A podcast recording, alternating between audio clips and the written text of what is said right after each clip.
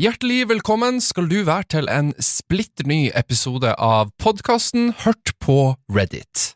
For denne episoden her, den har jeg gleda meg til å spille inn, rett og slett for at vi skal ta for oss eh, et eh, veldig populært eh, tema inne på Reddit, som da kalles for glitch in the matrix. Og Hvis ikke du har hørt om det begrepet før, så skal jeg prøve å forklare deg det nå. Eller jeg har bedt uh, ChatGPT om å definere det for meg, rett og slett fordi at jeg tror uh, den uh, chatten gjør en bedre jobb enn meg på å på en måte definere det på en mest mulig ryddig måte. Begrepet a glitch in the matrix refererer til en uvanlig eller uforklarlig hendelse som virker som om den bryter med normal virkelighet eller oppførsel, lignende det man ville se i en datamaskinsimulering eller virtuell verden.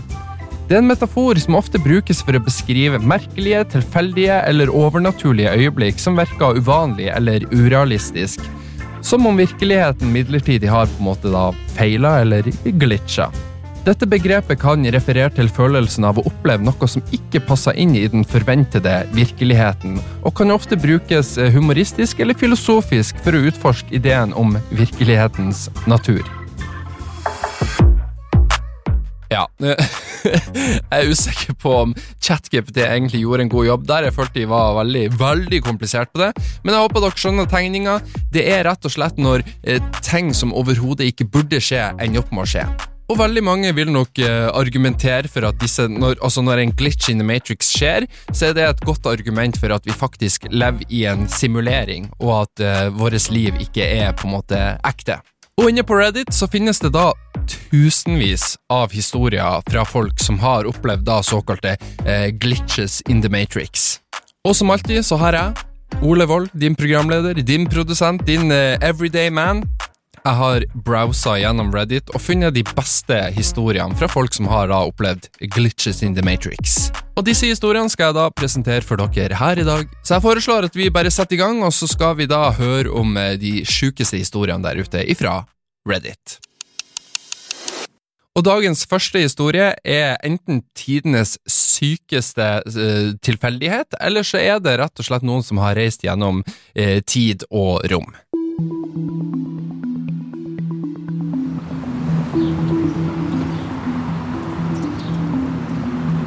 Jeg var ei ung jente, kanskje rundt ni eller ti år gammel, og jeg var på parkeringsplassen til en pub i England.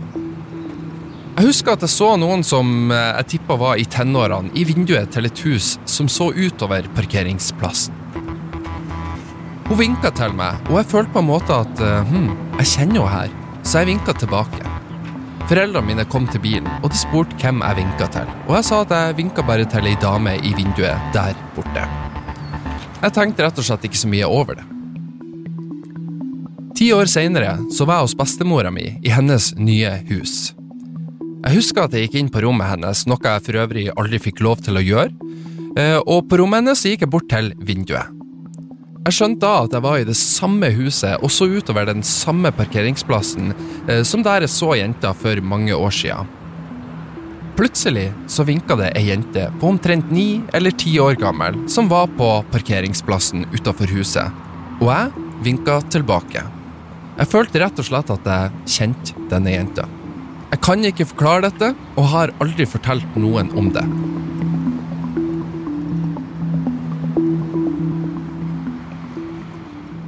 Som sagt, enten så er dette tidenes eh, sjukeste tilfeldighet, eller så har hun rett og slett reist gjennom tid, og så har hun liksom, altså når hun da var sånn rundt ni eller ti år gammel, sett dette huset, og så har hun sett seg sjøl i framtida, og så spoler vi frem i framtida, og så ser hun seg sjøl i fortida.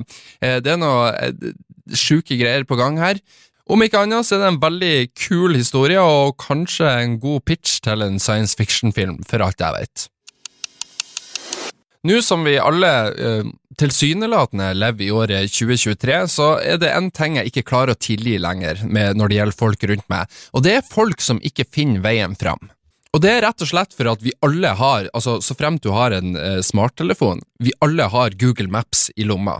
Og hvis du da ennå ikke har lært deg å bruke dette istedenfor å liksom spørre folk å, men du må gi meg instruksjoner om hvor jeg skal dra, så er det sånn nei, søk opp, søk det opp på Google Maps. Og grunnen for at jeg snakker om Google Maps nå, er for at neste historie handler om Google Maps.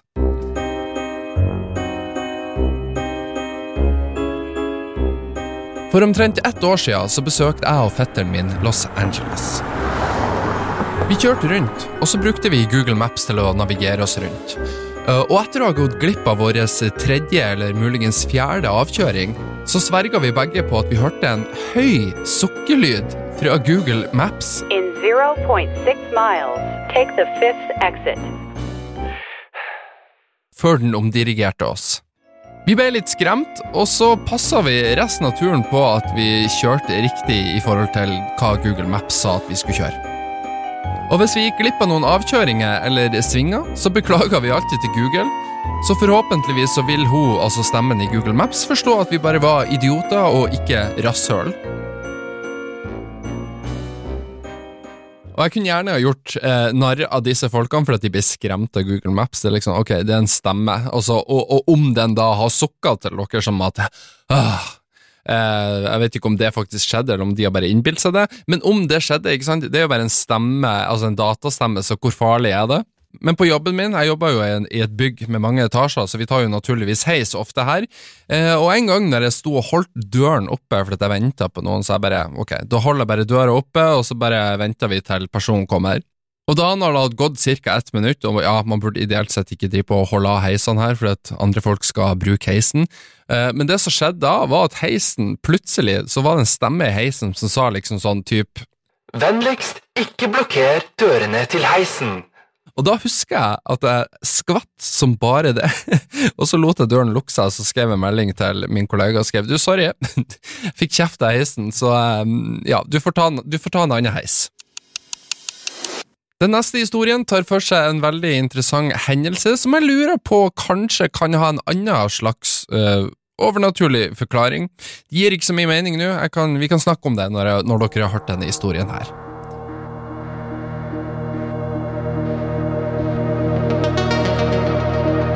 Det her skjedde på starten av 90-tallet. Det er midt på natta, og jeg står i stua til søstera mi. Og jeg tipper at det må være fullmåne ute, for selv om klokka er rundt ett på natta og lyset er av, så kan jeg se klart og tydelig. Det er en skål med popkorn i bunnen på gulvet foran TV-en, og noen VHS-er som ligger eh, i en haug i nærheten av TV-en. Jeg hører en lyd, og så snur jeg meg for å deretter se søstera mi sin vanligvis veldig vennlige labrador, eh, som ser ut som Cujo. Hunden står og flekker tenner, knurrer, og pelsen står rett opp. Plutselig er det et sterkt lysglimt, og jeg våkner som at jeg har falt ned på senga mi fra en uh, stor høyde. Jeg tenker for meg sjøl at hm, dette var en uh, merkelig drøm. Etter hvert så sovner jeg igjen, og om morgenen så ringer jeg søstera mi med planer om å fortelle denne historien. Men hun kommer meg i forkjøpet og forteller meg om den rare hendelsen som skjedde med hun om natta. De våkna nemlig av lyden av at hunden deres sto og knurra rundt klokka ett på natta. Mannen hennes trodde at det var en innbruddstyv i huset, tok med seg en pistol og gikk for å finne hunden. Hunden sto i stua og knurra mot midten av rommet. Han kunne ikke se noen i rommet, så han skrudde på lyset. Og det var ingen der, og hunden slutta umiddelbart å knurre og gikk til senga si som om at ingenting hadde skjedd. Han sjekka resten av eiendommen og fant ingenting, så han gikk til slutt tilbake til sengs sjøl. Vi snakka litt, og jeg fant ut at de så på noen eh, leiefilmer den kvelden, og selvfølgelig så hadde de popkorn i en skål osv. Søstera mi er litt spirituell av og til, så jeg bestemte meg for å ikke fortelle henne om min natt. Og en siste faktaopplysning, det er forresten omtrent 600 km imellom oss. Og gud hjelpes meg, jeg tenkte først at ok, broren her er jo en creep som bare plutselig står i stua til søstera si på natta, og så har han gått i søvne et eller annet hvis de, hvis de bor i samme nabolag eller noe. Men det er jo altså 600 km imellom de! Så her er det jo noe funky greier som foregår, for han har jo da opplevd å ha vært i stua til søstera si og opplevd eh, de tingene som de også har opplevd. Og da vil jeg bare slenge en teori på bordet her, fordi at eh, noen av dere som har hørt om astral prosjisering, eller prosjektering. Jeg har nemlig undersøkt det litt, for jeg syns sånt er interessant, sammen med lucid dreaming. ikke sant, At du kan være våken i drømmene dine, og så kan du bestemme over drømmene dine. Eh, og astral prosjisering er visstnok da at du får en ut-av-kroppen-opplevelse, og så kan du sveve rundt omkring eh, ja, dit du vil i, i verden. Og i motsetning til da lucid dreaming, så er jo da astral prosjisering det er jo da noe du faktisk opplever på ekte, altså en ekte ut-av-kroppen-opplevelse. Eh, så hvis du observerer, ikke sant, la oss si at du flyger ut av kroppen din, og så bestemmer deg for at ok, la meg eh, dra på den døgnåpne, døgnåpne bensinstasjonen og se hva som skjer der, så ser du faktisk ekte ting, altså ting som faktisk fysisk skjer. Ta i betraktning at det her bare er sånn, altså, jeg vet ikke om dette faktisk er en greie. Mange påstår at de har opplevd det, og at de driver på å praktisere det omtrent hver natt. Eh, jeg vet ikke om dette er en realitet, eh, og ikke bare folk er gærne, men ok. Men det er jo det nærmeste jeg kommer slags, et slags svar på hva som har skjedd her. At han har bare fått en ut-av-kroppen-opplevelse, sveva av gårde 600 km til søstera si, og så har han jo da møtt på den sure bikkja og, ja, og alle de tingene der som, eh, som også da søstera forteller om dagen etterpå. Enten det, eller så har det vært en glitch in the matrix her. Simuleringa har feila, og plutselig så glitcha han inn i søstera sitt hus, og så var han tilbake i sitt eget hus. Her kan det ha skjedd mye rart. Eh, fortsatt en veldig fascinerende historie. Jeg personlig var veldig glad i å lese bøker når jeg var i tenårene. Jeg leste alle Harry Potter-bøkene, jeg kunne lese um, Um, nei, ok, jeg leser for det meste Jeg leser for det meste Harry Potter-bøkene, altså that's it. Um, men nå skal vi høre en historie om en person da som uh, tydeligvis er glad i å lese, og har da fått en ganske uh, sinnssyk opplevelse på grunn av det.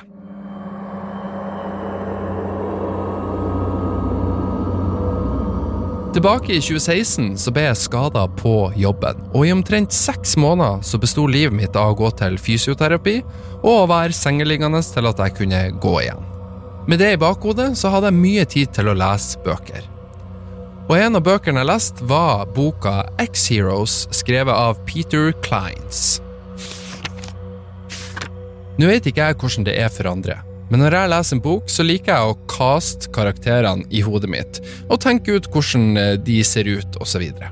En av birollene i denne boka heter Ilya, og fordi jeg kjenner noen som heter Ilya, og fordi boka er satt i Los Angeles, hvor jeg bor, så ble Ilya i boka den samme Ilyaen som jeg kjente i min fantasi. Men så begynte noe merkelig å skje. Ilya i boka refererte spesifikt til filmer som eksempel Aliens. Eh, en film som Ilya, som jeg kjenner i det virkelige liv, er en stor fan av. Ilya i boka var også en stor fan av skytevåpen, akkurat som Ilyaen som jeg kjenner i det virkelige liv. Når disse detaljene settes i ord, så virker de kanskje små, men det var noe som var så merkelig med karakteren i denne boka, at jeg til slutt tok kontakt med Ilian, som jeg kjente da, for å spørre om dette. Det viser at Ilja kjenner forfatteren Peter Kleins, som hadde inkludert han i boka. Hva er sjansen for at jeg skulle velge å kjøpe en tilfeldig bok med en historie som i praksis foregår i gata mi i Los Angeles, og har noen jeg kjenner i virkeligheten som en birolle? Jeg føler det som mest irriterende her, var at altså personen i denne boka het Ilja. For det, det, altså, det rulla ikke bra på tunga mi. Um, så ja, det ble, det ble, veldig mye Ilja her, men uh, ja, kort fortalt altså Karakteren i boka var plutselig kompisen til vedkommende her, så det, så det er jo en ganske sjuk tilfeldighet, eh, og ikke minst eh, litt fett, egentlig. Nå foreslår jeg at vi stepper opp intensiteten her, og så får vi en skikkelig weird historie.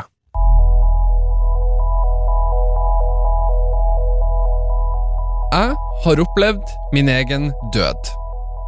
Jepp, jeg døde. Jeg så det, jeg opplevde det, Enten så var det en annen verden med en versjon av meg som døde, som jeg så, eller så har jeg bare blitt fullstendig gal. Men jeg døde. Vi hadde en samling ved tribuner på skolen, og etter at det var ferdig, så måtte vi gå tilbake til klassen. Vel, min venn og jeg var ikke så interessert i det, så vi ville heller gå over gata til en kiosk. På tvers av skoler så er det ikke så mye trafikk, men hvis ikke du passer på, så kan du bli truffet av en bil. Jeg husker at jeg gikk sammen med han, og så plutselig så mista han noe. Så jeg gikk over gata først. Jeg ser plutselig i sidesynet en rød bil som kommer rett mot meg, og jeg ble påkjørt. Jeg husker absolutt alt. Jeg husker at jeg gispa etter luft, og jeg husker at jeg våkna opp og sovna igjen. Og så ble alt svart. Jeg døde.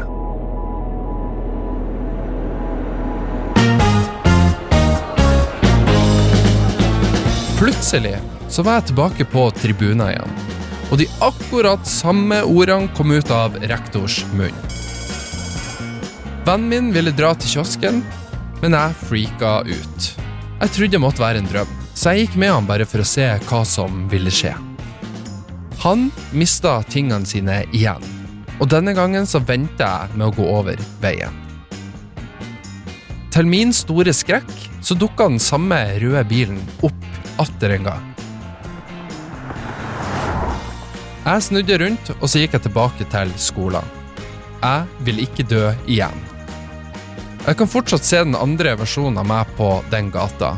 Påkjørt og helt ødelagt.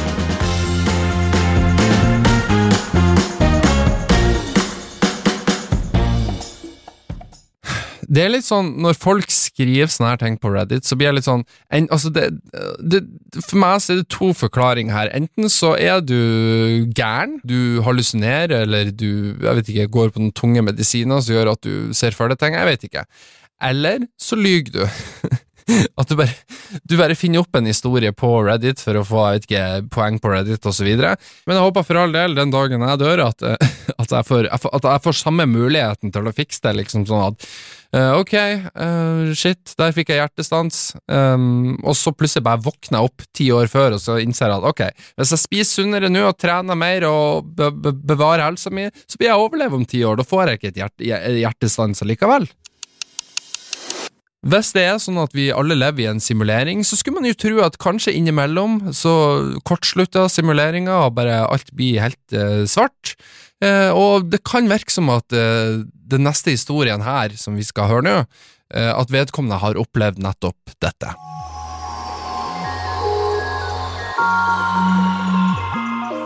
Jeg var på ferie i Florida og besøkte en venn.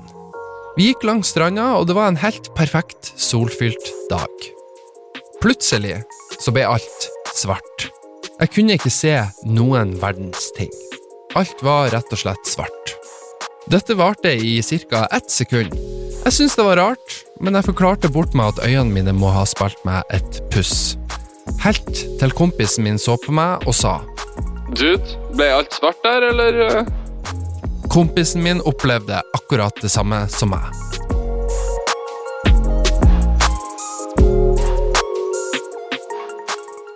Ja, ikke sant? For jeg ville òg ha tenkt at her, her er det øynene dine som spiller deg et puss, eh, men så er det jo ganske sjukt at kompisen din opplever akkurat det samme, så her har jeg ikke noe godt svar. Men jeg kan på en måte kontre dette med at jeg har faktisk opplevd akkurat det samme. For når jeg gikk på ungdomsskolen, eh, så satt jeg i timen og holdt på å kjede vettet ut av meg, som jeg som omtrent alltid gjorde da, Eh, og så plutselig så oppdaga jeg at shit, der ble det svart i sånn type ett øyeblikk, akkurat som at noen bare skrudde av lyset, og så kom det på igjen. Og det her var egentlig ikke noe jeg tenkte så mye over, eh, men det begynte å skje flere ganger. Og det kunne både skje på en måte inne, inne når jeg var inne i rom som var opplyst, eller så kunne det skje mens jeg gikk ute. At bare plutselig så bare bang, så ble alt svart, og så kom det på igjen. Til slutt så endte jeg opp med å fortelle min mor om dette, og hun ble litt sånn «Øh, ok, det er weird, kanskje du bare, vi burde ta deg med til legen, så kan de bare undersøke at alt, at alt går bra med deg. Og jeg husker jeg tenkte at åh, fy faen, så overdramatisk, Jesus, jeg trenger ikke å dra til legen, herregud, så la meg nå bare være i fred. Eh, men det endte opp med at vi dro til legen, til legevakta, og der tok de og undersøkte øynene mine. Og det jeg ikke var forberedt på da, var at de plutselig bare sa at ok, Ole, eh, du skal til Tromsø i morgen, på sykehuset der. Eh, for eh, vi har ikke Vi kan ikke på en måte ta dette videre her. Men det er noe gærent med øynene dine, du må til Tromsø. Så vi heiv oss på flyet, Dro til Tromsø og overnatta der. Og så dro jeg inn på sykehuset der, og da viste det seg at netthinneløsninga på øynene mine, eh, på, spesielt av venstreøyet mitt, det var fucka, det holdt på å gli fra hverandre. Eh, og du, ja, jeg gidder ikke å gå i detaljene her. Kort fortalt, hvis ikke dette ble ordna, så kom jeg til å bli blind på venstre øye. Og det endte rett og slett opp med at jeg måtte laseroperere mitt venstre øye. Så kort fortalt så har jeg opplevd eh, omtrent akkurat det samme, bare at i mitt tilfelle så endte jeg opp med en øyeoperasjon. Som den romantikeren jeg er, så har jeg selvfølgelig tatt med en historie som på en måte kan varme hjertene våre litt, for dette handler om et kjærestepar som skal dra på en, eh, ja, liten eh, romantisk tur.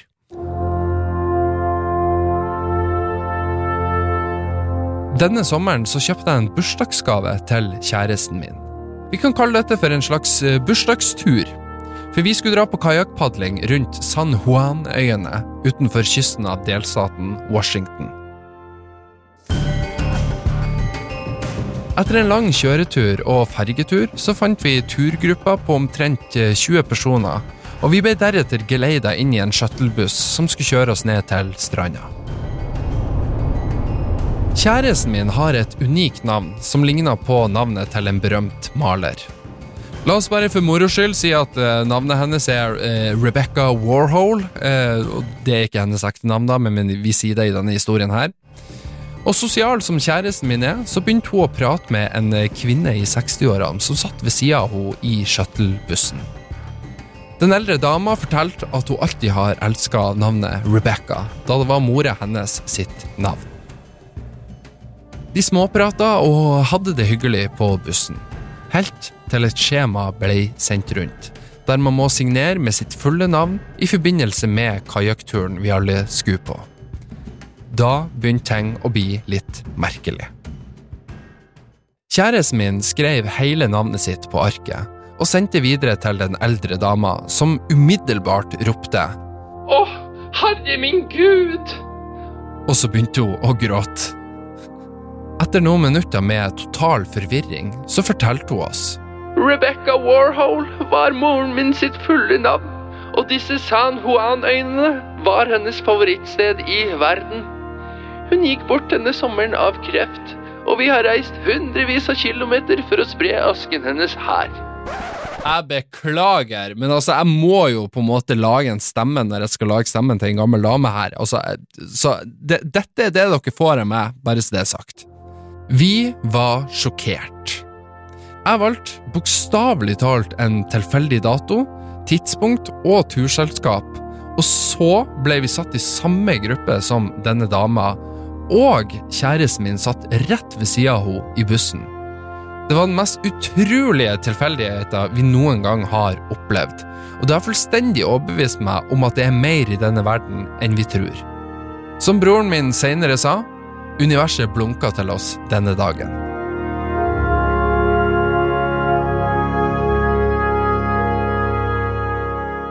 Ja, ok, Jesus, ro deg ned, og så tror jeg ikke å bli helt spirituell. Bare fordi at dama di traff ei dame, og de hadde samme navn. Og? Jeg skjønner at det, Jeg er enig, det er en sjuk tilfeldighet, men uh, altså, du trenger ikke å bli Det virka som han ble veldig spirituell etter denne opplevelsen, og for all del, hvis eh, han føler at han får noe ut av det, så unner han det.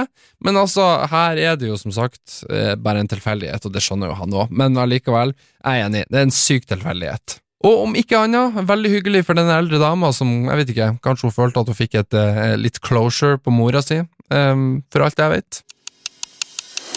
Neste historie her, um, altså, eh, hvordan skal jeg si det? Det er en lærer i denne historien her, som jeg mener ikke får nok oppmerksomhet, og som jeg mener vi alle burde være litt mer mis mistenksomme over. På college, mens jeg studerte journalistikk, så hadde jeg en time der en av oppgavene var å skrive en nekrolog for en av mine besteforeldre. Læreren sa vi skulle skrive om en avdød besteforelder, men hvis alle besteforeldrene dine fortsatt er i live, så måtte vi velge en. I mitt tilfelle så var alle besteforeldrene mine i live. Så jeg utsatte faktisk å gjøre oppgaven helt til kvelden før den skulle leveres inn, fordi at jeg syntes det virka som en morbid oppgave, og spesielt da når alle besteforeldrene mine er i live. Stressa som jeg var, så ringte jeg min mor. og ba hun om å gi meg litt grunnleggende biografisk informasjon om min morfar. Mens vi snakka om morfaren min sin karriere, så kunne ikke mamma huske navnet på ett av selskapene som han jobba i. Klokka var halv elleve på kvelden, men hun tenkte at ok, vi prøver å ringe morfaren din, og så skal jeg finne ut hvilket selskap han jobba i. Så hun endte opp med å ringe han for å sjekke om han var våken, og for å da få svaret på spørsmålet. Da mamma ringte morfaren min, så svarte bestemora mi telefonen i panikk. Min bestemor forklarte i panikk at ambulansen akkurat hadde kommet og utført hjerte- og lungeredning på min morfar, fordi han hadde slutta å puste og mista bevisstheten sin. Mora mi klarte å holde samtalen gående med min bestemor helt til de fikk morfar på sykehuset, hvor han da ble erklært død. I løpet av tida jeg og mamma snakka i telefonen om min morfars nekrolog, så endte han opp med å dø. Dødsfallet var helt uventa. Sjøl om han var i 80-årene, så var han den friskeste av besteforeldrene mine på den tida. Vi endte faktisk opp med å bruke nekrologen jeg skrev eh, for den skriftlige oppgaven, som hans faktiske nekrolog. Det skremmer jeg fortsatt når jeg tenker på timingen.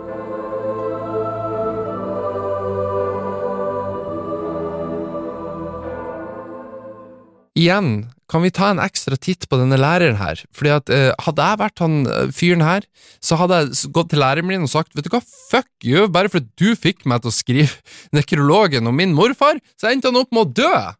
Det er noen sånn blackbook, eh, som har foregått bakom kulissene her, det er jeg 100% overbevist om. La oss være ærlige, oss hundemennesker, vi lar hundene våre sove i senga, ikke sant? Jeg håper ikke det er bare meg, for jeg føler at alle liksom går rundt og sier nei, du kan ikke gjøre det, for det blir masse bakterier og sånt i senga, og så er det sånn, ja, ok, men jeg bor med hund til vanlig, bakteriene er der uansett, så jeg sover med hund i senga, og jeg håper dere andre gjør det også. Neste historie handler om noen som sover med hund i senga si, det var egentlig det jeg skulle frem til, så da setter vi i gang. I 1985 så sov min ekskone og jeg sammen. Det var en liten stripe med lys som kom inn gjennom vinduet fra et gatelys, så rommet og senga var sånn passelig svakt synlig. Vår svarte pomeranian lå i enden av senga og sov. Jeg drømte at jeg våkna opp, og så strakk jeg meg ned for å klappe hunden, og så forvandla hunden seg til et svart, skjellaktig ting som åpna seg for å avsløre eh, masse blanke, skarpe tenner. Heldigvis så våkner jeg opp, og da ser jeg plutselig min ekskone trekke seg bakover i senga mot veggen. Jeg spør henne Hva er galt? Hva er galt?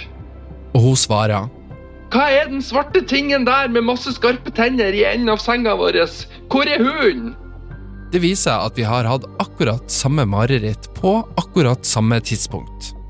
Dette gir meg fortsatt frysninger.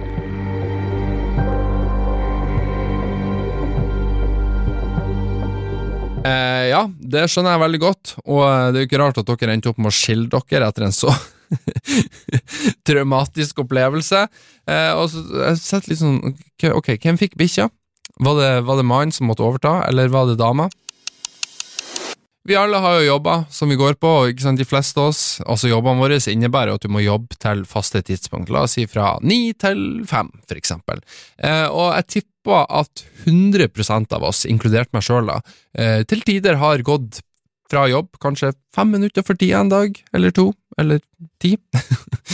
eh, og neste historie her handler om en fyr som går ifra jobben da. Eh, Visstnok til riktig tidspunkt, men ja, vi får se.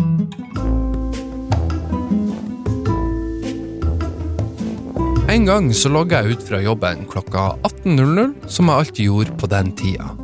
Og jeg begynte den timeslange togturen hjem. Etter at jeg hadde funnet en plass på toget, så sovna jeg av, og så våkna jeg rett før stasjonen min. Fra stasjonen min så er det en kort busstur på ca. 10-15 minutter for å komme meg hjem. På turen hjemover så brukte jeg ikke telefon, og jeg har ikke klokke på meg så jeg fulgte rett og slett ikke med på tida. Da jeg kommer hjem, så blir familien min overraska, og så sier de Oi, shit, du er tidlig hjemme. Eh, går det bra? Alt i orden? Jeg ser på klokka som henger på veggen, og den er nesten 18.00. Jeg var altfor sjokkert til å forstå hva som nå hadde skjedd. Jeg sjekka andre klokker, mobiltelefoner osv., og, og tida, ja, den var riktig.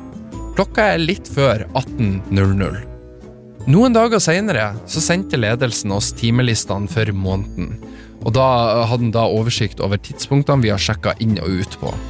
Og hver eneste dag for meg var rundt samme tidspunkt, klokka 18.00. Så det var definitivt ikke meg som hadde forlatt jobben tidligere. Til den dag i dag så har jeg ikke funnet ut hvordan jeg fikk mellom 60 til 90 minutter ekstra den dagen. Men herregud, du har jo fått livet i gave, om ikke annet. Altså, hvor mange av oss skulle ikke ønske at de hadde 60-90 minutter ekstra i løpet av en dag? Livet er for kort til å kaste bort vår dyrebare tid, så da Altså, for en gave, sier jeg bare. Um, det er jo helt fantastisk. Jeg tipper de fleste av oss, inkludert meg sjøl, opplever at tingene vi har, forsvinner fra tid til annen. Jeg har, for eksempel i mitt liv, jeg har eh, en hvit genser, en Dickies-genser eh, som er hvit, eh, og den ble plutselig borte. Og jeg fant den ikke, og jeg har fortsatt ikke funnet den den dag i dag. Så da endte jeg opp med å kjøpe en ny hvit genser fra et annet merke, eh, og sånn helt seriøst, det tok én måned, og nå er den genseren borte, og jeg har fortsatt ikke funnet den genseren heller.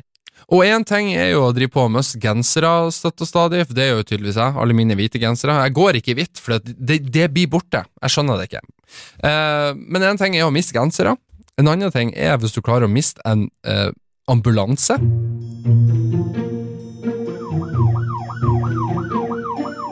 Jeg hadde akkurat kjørt inn på parkeringsplassen der jeg jobba, og var på vei mot bygninga. Dette var midt på dagen, sånn cirka klokka 15.00. Plutselig så hører jeg lyden av en sirene fra en ambulanse som begynner å hyle. Naturlig nok så kikker jeg nedover veien for å prøve å få øye på ambulansen. Jeg så den kom nærmere, og jeg bestemte meg for å stå der og se på den litt. Den nærma seg fort, og den skulle til å passere rett forbi meg. Samtidig så var det en stor SUV som venta på å kjøre ut fra parkeringsplassen og ut på veien.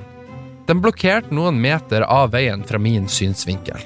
Ambulansen passerte foran SUV-en, sannsynligvis sånn ca. 15 meter unna meg på det meste. Og jeg husker tydelig at sirena ble helt stille i det øyeblikket.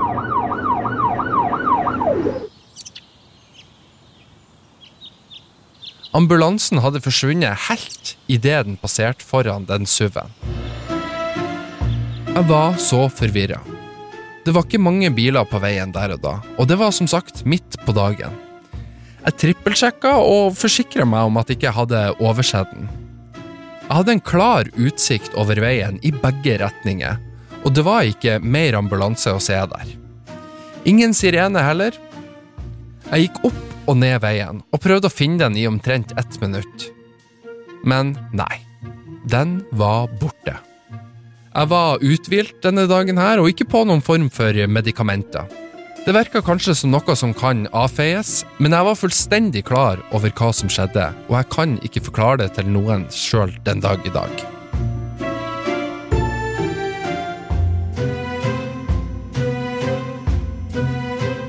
For en rar opplevelse. Det er liksom sånn, Jeg vet ikke om dere klarer å visualisere det, men det er en bil rett foran deg som står og blokkerer litt av veien, og idet ambulansen kjører forbi den, så bare forsvinner den. Eh, akkurat som at den bare kjører inn i et jeg vet ikke, parallelt univers. Kanskje det var noen i et parallelt univers som trengte eh, ambulanse, hva faen vet jeg? Og som vanlig så er jo på en måte mitt, mitt svar her er jo at ok, da har du hallusinert, da. Det, altså, hva annet kan det være? Um, fordi at det er liksom sånn Ja, det finnes ikke noe logisk forklaring. At en ambulanse passerer forbi deg, og så bare forsvinner idet den kjører forbi en SUV. Jeg håper i hvert fall at de som skulle ha ambulansen, da, de fikk hjelp uansett, selv om at den tydeligvis ja, forsvant i løse lufta. Jeg husker som barn så hadde da besteforeldrene mine nordpå de hadde en hund som de kalla for Singo. Dette var altså da en svart golden retriever Dette var altså da en svart eh, labrador, hvis ikke jeg husker helt feil. En veldig fin hund, eh, som var ja, en koselig hund, eh, som ja, dessverre ikke levde en dag i dag. Men minnene mine om denne hunden vil for alltid være med meg. Og da, altså Det hadde vært så sjukt, da. La oss si at bestemorene mine nå hadde kommet og fortalt meg at eh, denne hunden aldri eksisterte.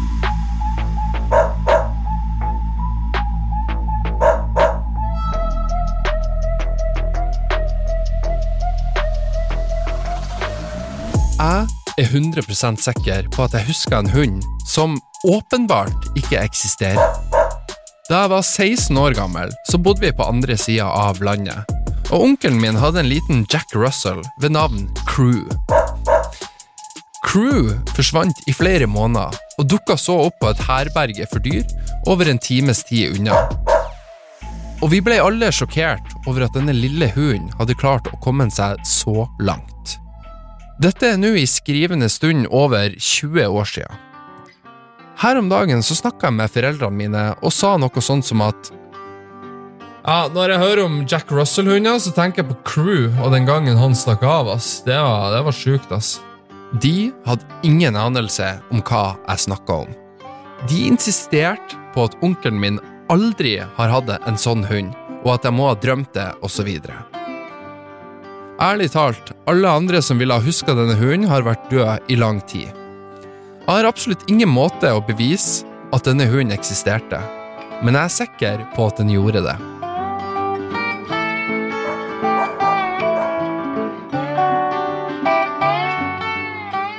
Jeg nevnte jo i forrige episode av denne podkasten at jeg har, jeg, har, jeg har, hatt mine år på en bensinstasjon oppe i Nord-Norge der jeg jobba bak kassa, eh, og ene kollegaen min der, hun hadde en hund, eh, en svart hund, husker jeg, eh, som hun var veldig glad i, og som, ja, eh, ikke sant, folk er glad i hundene sine. Og så jobba jeg der i noen år, og det ender jo til slutt opp med at en hund må avlives, og så husker jeg at når jeg snakka med henne om denne hunden, sånn noen år seinere, så sier jeg liksom at ja, du hadde jo den svarte hunden der, og bla, bla, bla, og så ser hun på meg, og hun bare er sånn Hva faen som feila deg? Jeg hadde ikke en svart hund. Hunden min, den var hvit. Og så er det litt sånn, jeg kan jo ikke benekte henne at nei, du hadde en svart hund, det husker jeg. Eh, altså, Hvis hun sier at hennes hund var hvit, så stemmer det jo, men det er sånn, jeg har ennå til dags dato i dag. Fortsatt et mentalt bilde i hodet mitt. Av sett bilder av hun og den svarte hunden, og sett at hun har gått tur med den, og så og jeg får det fortsatt ikke til å gi mening når hun sier at hunden hennes var hvit, eh, at det liksom er stem, for, for min del, altså, det jeg så var at hunden var svart. Og Isabel, hvis du hører denne podkasten her, hunden din var svart, du må ha fucka med meg. Ja, kort fortalt, hunder er tydeligvis eh, Jeg vet ikke kompliserte, kompliserte ting å forholde seg til. Og tror så kjipt for han stakkars Redditorn her, som liksom, du har så mange minner om en hund, og så viser det seg at å ja, den eksisterte ikke engang. Så alle de koselige minnene jeg har om den hunden, det er bare Det er ikke reelt. Ettersom at denne podkasten kommer ut på mandager, så skjønner vi jo alle at ingen av oss en nattklubb med det første, men vi kan jo allikevel ta oss inn i en historie som foregår på en nattklubb.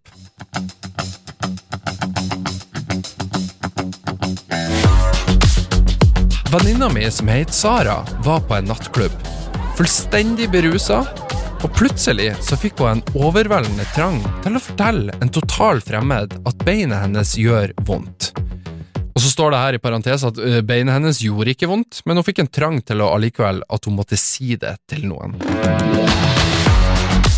Dette var veldig merkelig, så hun ignorerte det. Men det stoppa ikke.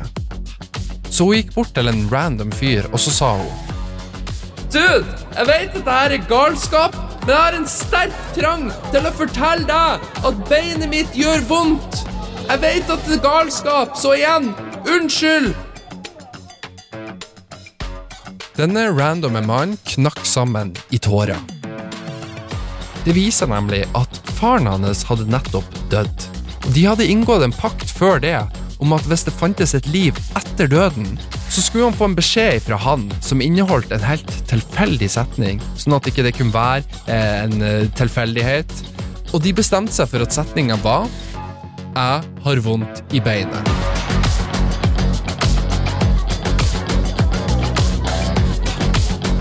Altså, Enn så utrolig denne historien er, og så sjuk det må være for denne mannen og plutselig bare Å, fuck, faren min fikk gitt meg en beskjed fra døden om at uh, vondt i beinet-greia.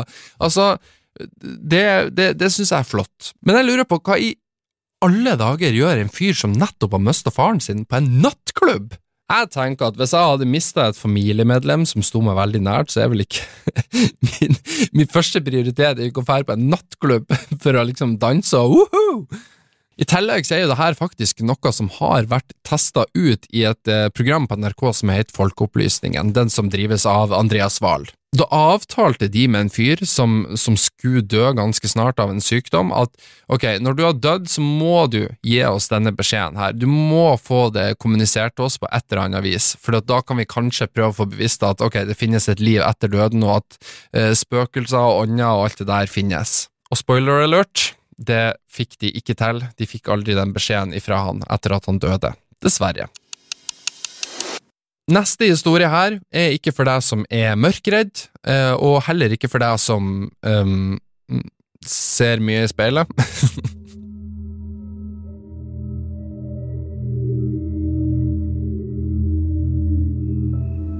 Jeg var omtrent tolv år gammel og våkna opp midt på natta og måtte på do. Jeg gikk over gangen til det lille badet, og så skrudde jeg på lyset og var i ferd med å gå til selve toalettet, da jeg så opp og så et ansikt i speilet. Og dette ansiktet var ikke mitt eget ansikt. Det var som at noen var på den andre sida, stående til høyre med ansiktet rett ved sida av glasset, stirrende på meg. Jeg så det bare i ett øyeblikk, men det brente inn i hjernen min. Jeg skreik og løp ut derifra for å finne faren min. Og selvfølgelig så undersøkte faren min dette og prøvde å roe meg ned. Til slutt så hadde vi en, eh, en bønnesession, fordi at jeg var så skremt. Ja, så vi har med en religiøs familie her, altså. De satte seg ned for å be, så det er jo, det er jo hyggelig, men ok, ja. Til slutt så gikk jeg tilbake på soverommet, og så sovna jeg av. Spol frem til at jeg er i 30-årene. Jeg hadde glemt alt om denne hendelsen. En kveld mens jeg besøkte foreldrene mine, så nevner faren min i det stille. Husker du den gangen du så et eh, ansikt i speilet? Minnene kom tilbake, og jeg fikk frysninger over hele kroppen, Vel, sa han. jeg tenker av og til på den natta. Han så ned på gulvet med et alvorlig uttrykk. Jeg så også ansiktet. Han fortsatte med å beskrive nøyaktig det jeg hadde sett den natta. Og ingen av oss har noen slags anelse om hva det var vi så. Tydeligvis, når han hadde undersøkt det, så så han det, og så ble han like skremt som meg. Tydeligvis så var denne bønnesesjonen like mye for hans nerver som det var for mine. Jeg respekterer ham veldig for at han holdt dette hemmelig for meg helt frem til jeg var i 30-årene, men jeg skulle ønske at han aldri hadde fortalt meg dette.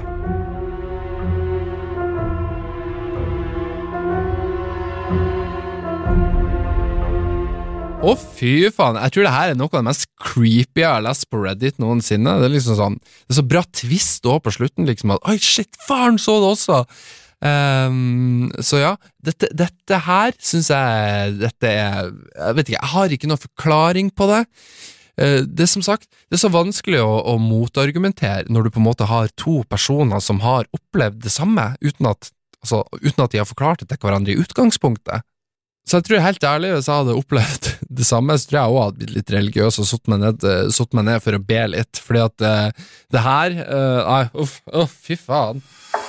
Ja, jeg tenker at vi kan avslutte på den historien der. Eh, jeg tror ikke vi finner en historie som kan toppe den, eh, den opplevelsen der uansett, så jeg tenker at eh, ja, dette, dette forhold. Det skal uansett sies at det er veldig mange spesielle opplevelser der ute som ikke nødvendigvis kan forklares, med mindre vi alle er i en simulering, og den simuleringa glitcher litt innimellom. Skal sies at jeg, jeg, jeg personlig tror ikke at vi faktisk lever i en simulering. Jeg tror at eh, det som skjer rundt oss, er høyst reelt, og at eh, det ikke er en kjempestor konspirasjon bak livene våre. Men allikevel, som sagt, vanskelig å forklare mange av disse historiene her. Og eh, med mindre bare folk er gæren, som for så vidt er sannsynlig det òg, så, så, så er det mye rart som foregår der ute som ja, rett og slett ikke kan forklares. Uansett så vil jeg takke deg så mye for at du har hørt på denne episoden av Hørt på Reddit. Hvis ikke du har gjort det ennå, ta opp telefonen din nå, eh, og så hvis du har den, eh, denne podkasten på f.eks. Spotify, gå inn nå og rate denne podkasten. Gi den en flunkende deilig femstjerner. Eh, kanskje fire stjerner hvis ikke du er helt topp fornøyd, men som sagt, ikke lavere enn det. Det ser ikke, ser ikke bra ut for statistikken på denne poden her. Eh, anbefal det til en venn, del det gode ord om denne podkasten her. Eh, og så høres vi igjen i neste episode av Hørt på Reddit.